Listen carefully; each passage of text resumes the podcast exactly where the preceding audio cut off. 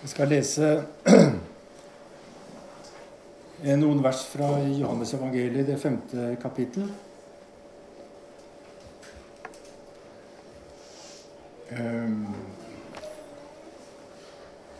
der står det etter dette kom en av jødenes høytider, og Jesus dro opp til Jerusalem. Ved saueporten Jerusalem ligger en dam som på hebraisk heter Betesta. Den er omgitt av fem bueganger. Der lå det en mengde mennesker som var syke, blinde, lamme og uføre. De ventet på at vannet skulle komme i bevegelse.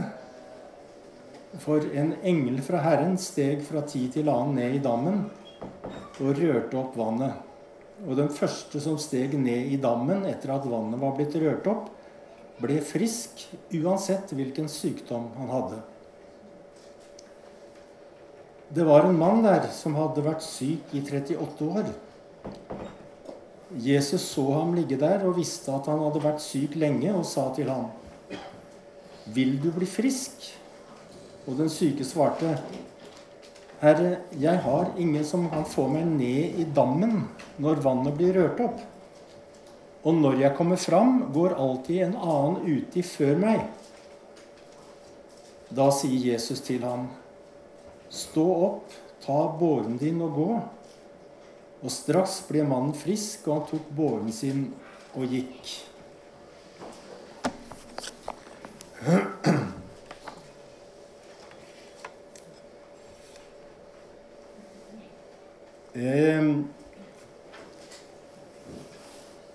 Jeg har eh, vært på Nasjonalmuseet ganske mange ganger siden det åpna for et års tid siden. Og et bilde som har gjort veldig inntrykk på meg, det er malt av en, som, en danske som heter Joakim Skovgård. Det ble malt i 1888. Og det heter 'Engelen berører vannet i Betesta dam'. Kanskje vi kan få det opp på, opp på skjermen her.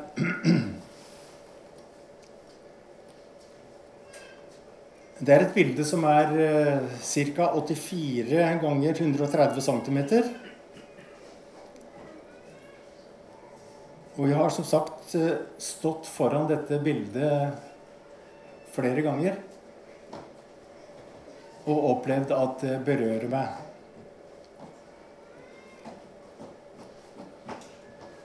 Skal vi se om vi kan få det fram, så jeg kan vise det til dere. Her har vi Skovgårds 'Engelen berører vannet i Betesta dam'.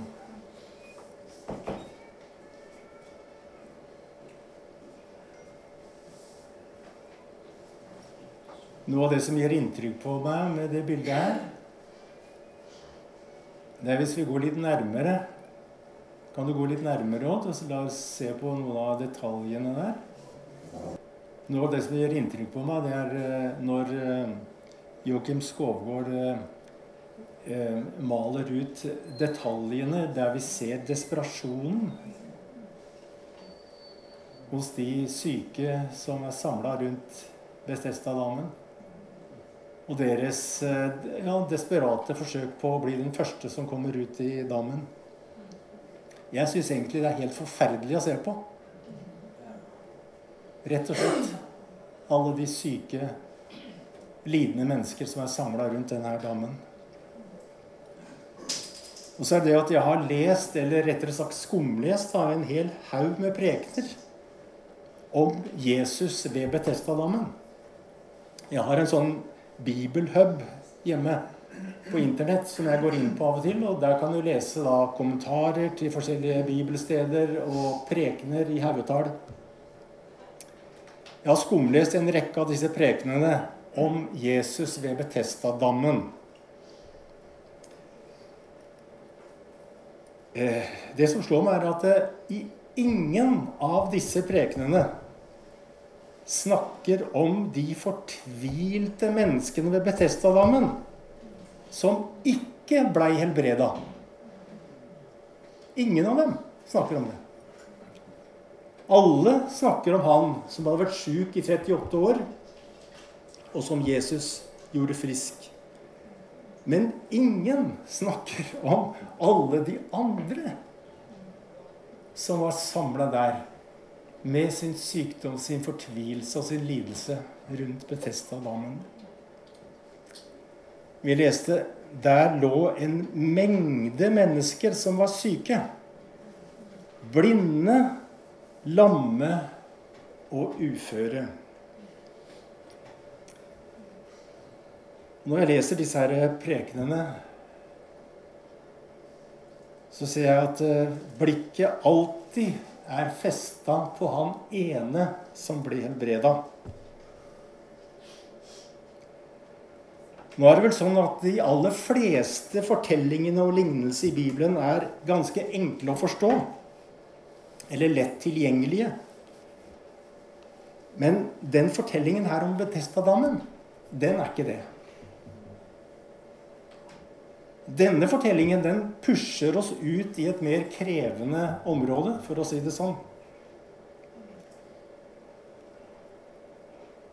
Vil du bli frisk, sier Jesus til mannen som var sjuk. Og sånn jeg oppfatter det, så er det et uttrykk for at Jesus ikke trenger seg på. Han stiller spørsmål av respekt for menneskene. Ikke fordi han ikke vet, men fordi han med sine spørsmål ønsker å bli invitert inn i våre sår. Og det er eh, forfatteren Peter Haldorf som et sted sier at eh, Men Guds spørsmål til oss er ingenting i forhold til våre spørsmål til ham. Jesus oppfordrer sin kirke til å be for syke i hans navn. Og det gjør vi. Men vi ber for syke uten å stenge av våre forventninger til Gud. Men samtidig så ber vi for syke uten å lukke øynene for klagen og fortvilelsen fra flokken rundt Betestadammen. Vi ber for syke i Jesu navn fordi han har sagt at vi skal gjøre det. Og det gjør vi med frimodighet. Og det gjør vi helt i overensstemmelse men den tro som de syke møtte Jesus med. Og i overensstemmelse med Jesu ord Disse tegn skal følge dem som tror. De skal legge hendene på de syke, og de skal bli friske. Og kirka som Kristi kropp er kalt til å formidle Kristi liv og helbredelse var og er en del av dette oppdraget. Og samtidig Samtidig så lever denne troen i et spenningsfelt. Og det er det spenningsfeltet som er mellom Guds vilje til å helbrede og vår erfaring av ennå ikke å være det.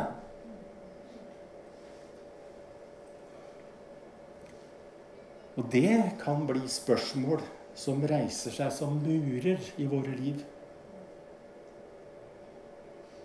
Og når vi også verger oss med rette mot forenkla og lettsindige svar på spørsmål om helbredelse, så kan det også føre til at vi graver oss ned i våre lidelser og stenger av våre forventninger til Gud.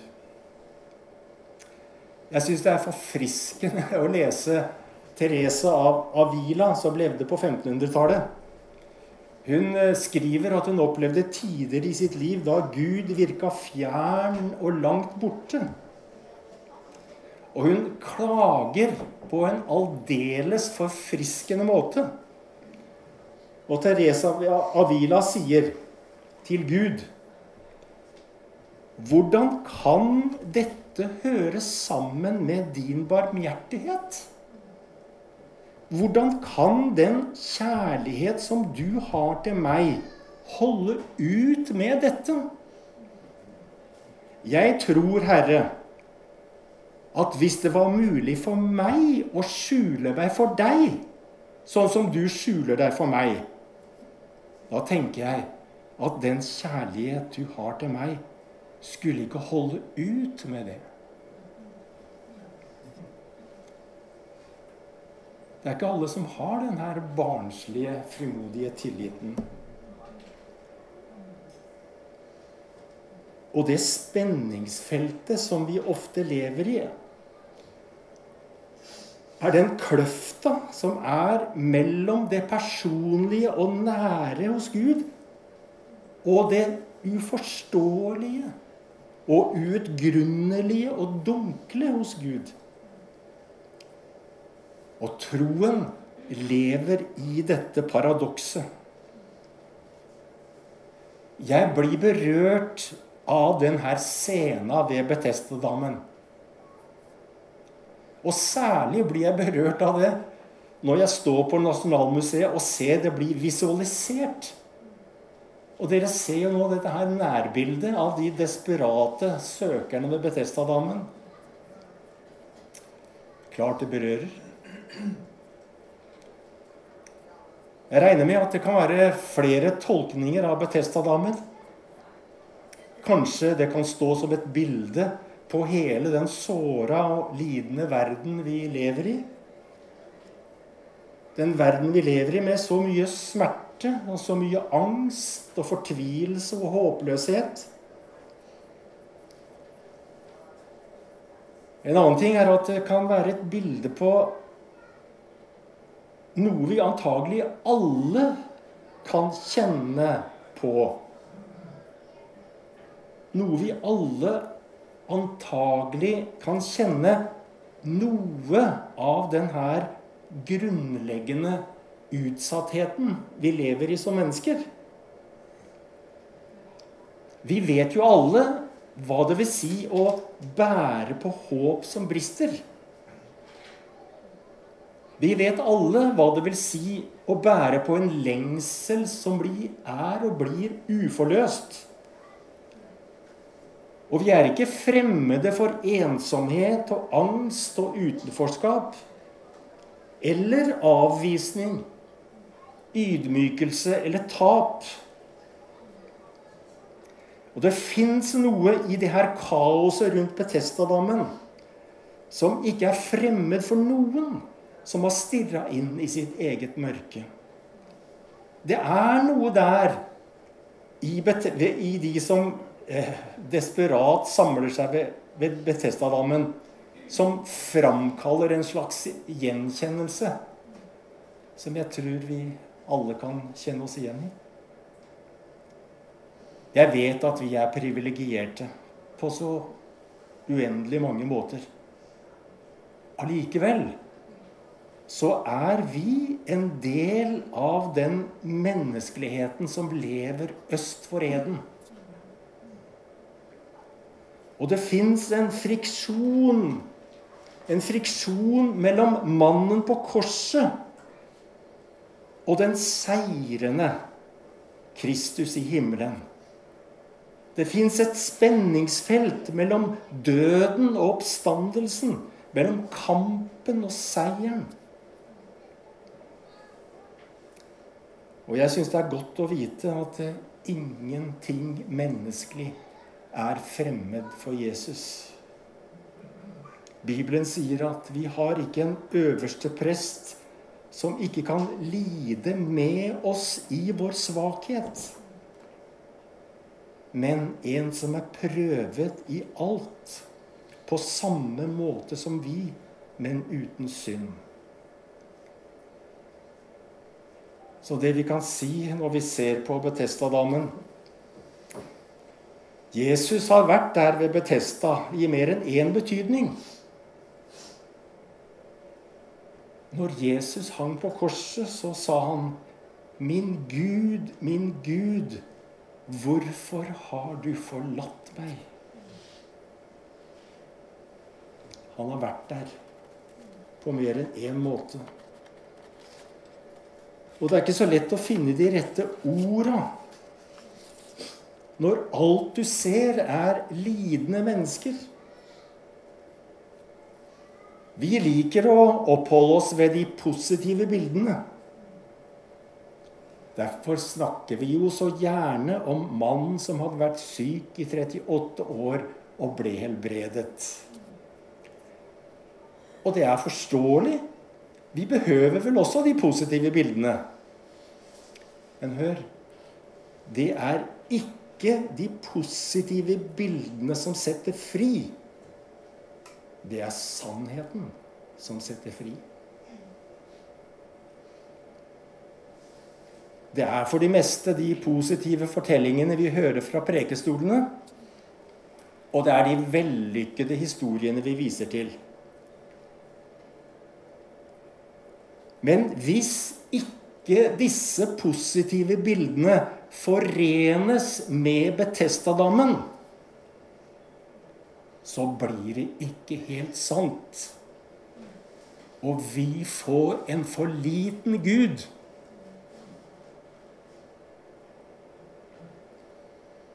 Er det ikke, for, er det ikke respektløs overfor den som ligger rundt Betestadammen? Og bare snakke om den ene som ble helbreda?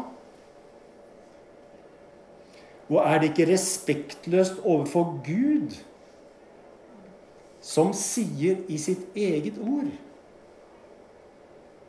I det høye og hellige bor jeg,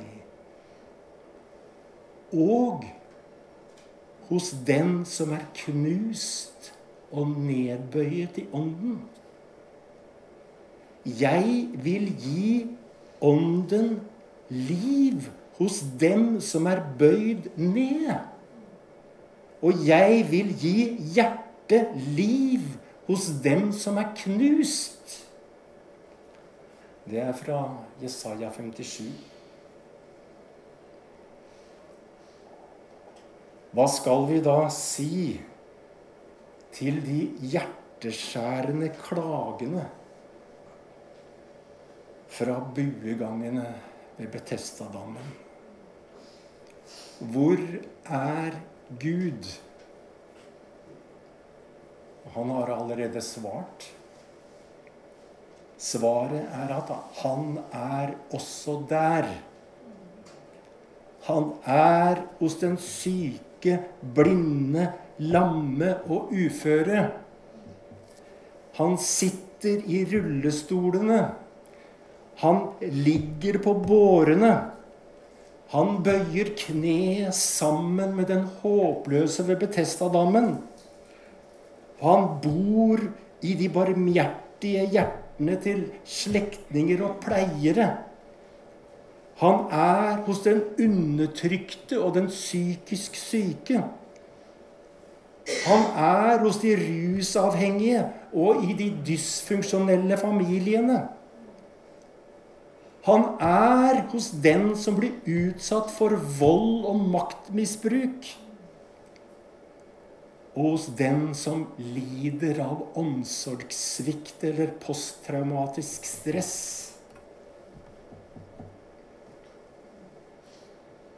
Det er en setning som beskriver noe av dette her spenningsfeltet som vi snakker om. Det er ikke så lett å finne ord på det her. Men det er en setning som jeg tror kommer i nærheten. Og den setningen er Guds rike har kommet nær, men er her ennå ikke i sin fullhet. Derfor er det ennå så mange rundt Betestadammen. Og det kommer til å være mange der så lenge denne verden består. Helbredelsen er et vitnesbyrd om at Guds gjenopprettelse har begynt. Det er en forsmak på en fullendelse som vi ennå venter på. Det er en forsmak på den fullendelse som apostelen Paulus beskriver, eller som, som beskrives i Åpenbaringen 21, hvor Gud skal tørke bort hver tåre fra deres øyne. Og døden skal ikke være mer. Heller ikke sorg eller skrik eller smerte. Han som sitter på tronen, sier, Se, jeg gjør alle ting nye. Og det er apostelen Paulus i Romerne 8 som sier For også det skapte skal bli frigjort fra slaveriet under forgjengeligheten og få den frihet som Guds barn skal eie i herligheten. Vi vet at helt til denne dag sukker og stønner alt det skapte samstemt som i fødselsrier. Ja, enda mer. Også vi som har fått Ånden, den første frukt av høsten som kommer også vi sukker med oss selv og lengter etter å bli Guds barn fullt og helt når kroppene våre blir satt fri. Her løftes blikket fra Betestadammen. Her løftes blikket fra vår egen forgjengelighet til den fullkomne frihet og forløsning. Det finnes noen hemmeligheter i Guds rike som vi ikke kommer til å forstå før Guds rike kommer fullt og helt. Og av og til, når vi ikke kan hindre lidelsen,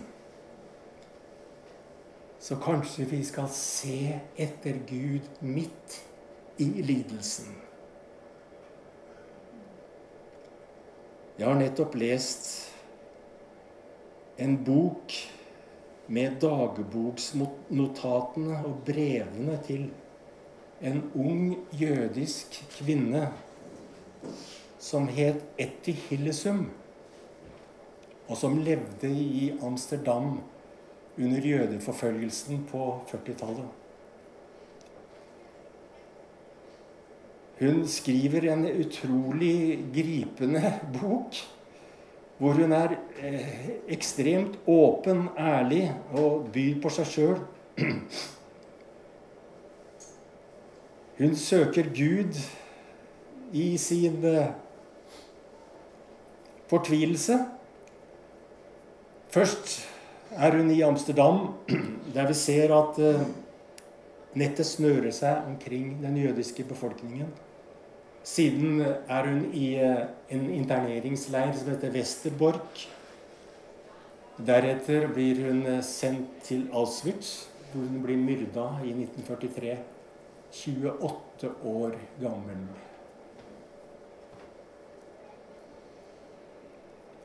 Hun skriver mens hun fremdeles da oppholder seg i Amsterdam. Overalt er det skilt som utestenger jødene. Fra forretninger, fra transportmidler og fra områder i byen. Men over den eneste gata vi ennå får bruke, hvelver hele himmelen seg. Og himlene i mitt indre, sier etter Hillesund, er like umålelige som himmelen over mitt hode. Jeg tror på Gud, og jeg tror på menneskene. Og hun fortsetter. Og jeg tror på Gud, selv om lusene i Polen snart har spist meg opp.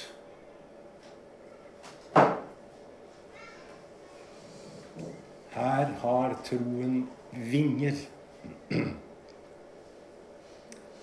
Her har troen vinger som kan løfte oss opp der forstanden ikke kan følge.